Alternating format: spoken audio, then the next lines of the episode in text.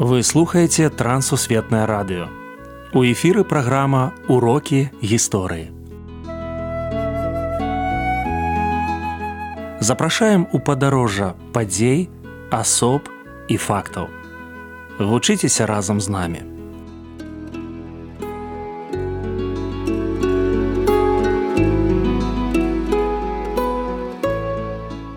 Добры дзень сябры. Ля мікрафона сяржук брышцелей кандыдат гістарычных навук Андрусь унучак.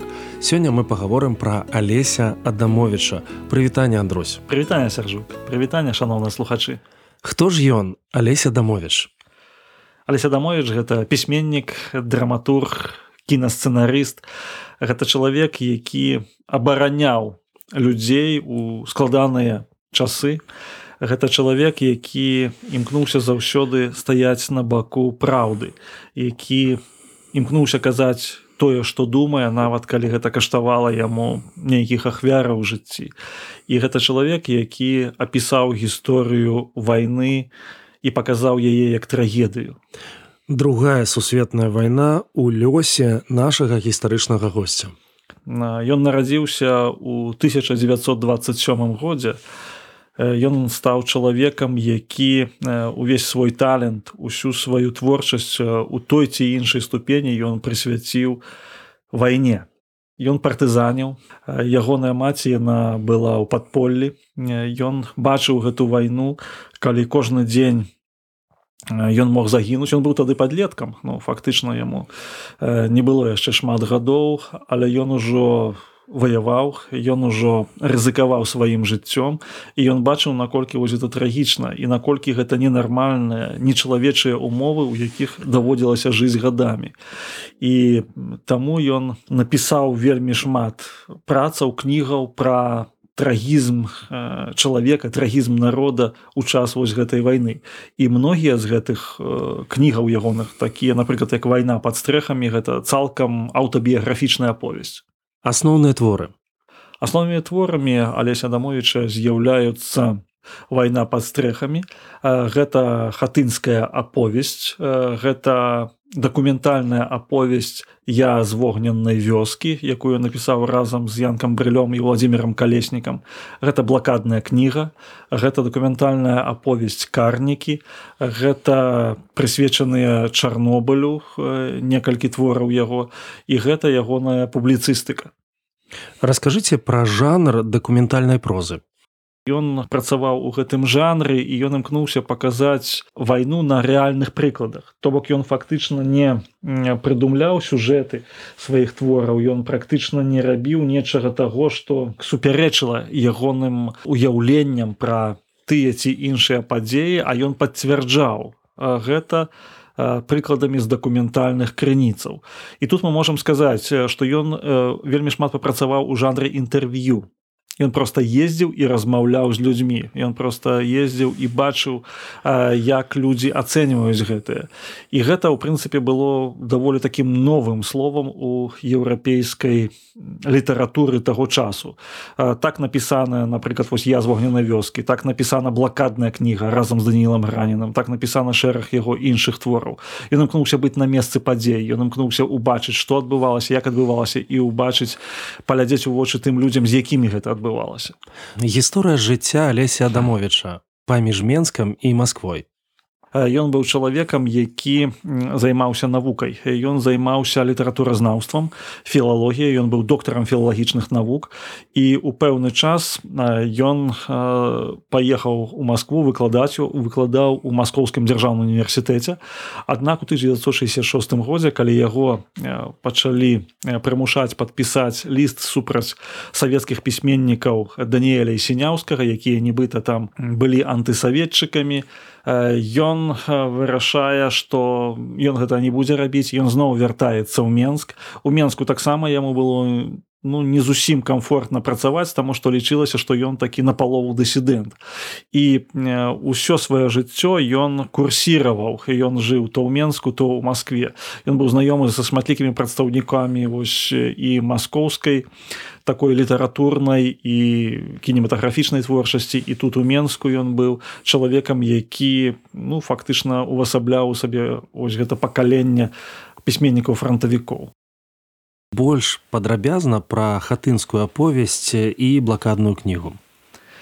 Сапраўды тут гэта пытанне мне здаецца вельмі слушнае таму што паміж гэтымі ягонымі творамі ёсць непасрэдная сувязь. А сувязь яна ў чым палягае? У тым што ёсць пытанне злачынства і пакарання ён паказвае вось эту трагізм хатыні. Дарэчы гэта аповесць лягла ў аснову фільма Элема клімава ідзі і глядзі ён паказаў што вось гэтую жудасць вайны з двух гледзяшчаў з гледзяшча тых людзей якія гінуць і з гледзяшча карнікаў якія іх знішчаюць. І блакадная кніга. Калі ён пабачыў тое што адбывалася ў блакадным ленінграде з аднаго боку гэта сапраўды ну жудасныя смерці а з іншага боку ён убачыў там тую вось тую грань войны якая можа быть у савецкай прозе яна не так ясна выяўлялася что для людзей прынцыповы момант было было просто выжыць вот ён сышоў на ўзровень такого чалавека для якога важна выжыць. І і гэта ён паказаў праз рэальныя лёсы.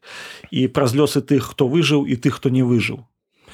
Адамович абаронца ад наступстваў Чарнобыля калі адбылася аварія ў чарнобылі адамович зразумеў што гэта вялікая катастрофа. Не кожны тады мог падумаць што будзе аж такі маштаб. Вельмі вялікі маштаб забруджання што гэта будзе ну настолькі вялікія наступствы мець у плане геаграфіі і ў плане храналогіі скажем часу это забруджвання ён едзе ў москву ён піша ліст да гарбачова. Ён б'е ва ўсе званы каб людзей адсялялі ён кажа што ну там немагчыма быць трэба нешта з гэтым рабіць. Ён выходзіць нават ён напісаў для галівуда сцэнар фільма. Гэта ўжо 90 год яшчэ пры савецкім саюзе. Кажа давайте здымем нейкі фільм каб прыцягнуць гэтай увагі. Ну, на, на жаль гэта не ажыццявіўся праект. На сённяшні момант нават амерыканцы яго ў сваіх мастацкіх пастаноўках яны паказваюць што вось быў такі аляся дамовіч які вось паказаў свету гэта вось трагедыю фонд ён працуе ў фондзе дзецям чарнобыля ён ён фактычна з тымі людзьмі якія пацярпелі. Таму што мала хто разумеў усю небяспеку ад радыяцыі. А ён зразумеў гэта адразу і ў гэтым яго заслуга.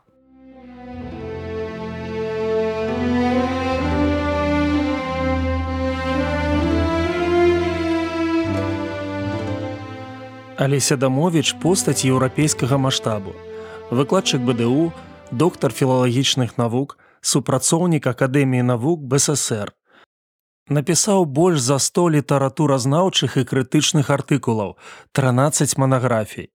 Ён аўтар твораў пра несавецкую вайну. Яго кнігі напісаныя жыццём. Пра дамовіча кажуць ён пісаў сваю прозу зламаным сэрцам. Кожную новую ваенную аповесць ператвараў у антываенную прытчу перасцярогу ён прабіваў сцены каб адстойваць праўду Алесь Михайлович вучыць і нас з павагай адносіцца да гісторыі.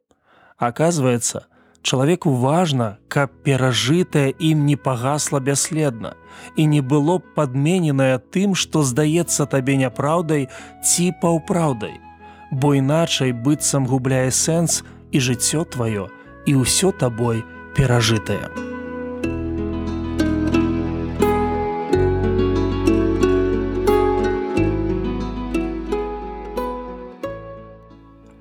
Дзякую, што далучыліся да нашага праекту. Калі ў вас ёсць пытанні, пішыце каля ласка на адрас. Трансусветнае радыё, урокі гісторыі. Паштовая скрынка 45, індекс 22 40 20, горад Брест 20, Беларусь. Пакідаю для сувязі электронную пошту rmtwr.by сабачка gmail.com шукайце нас на сайце twr.fm. Да новых сустрэч!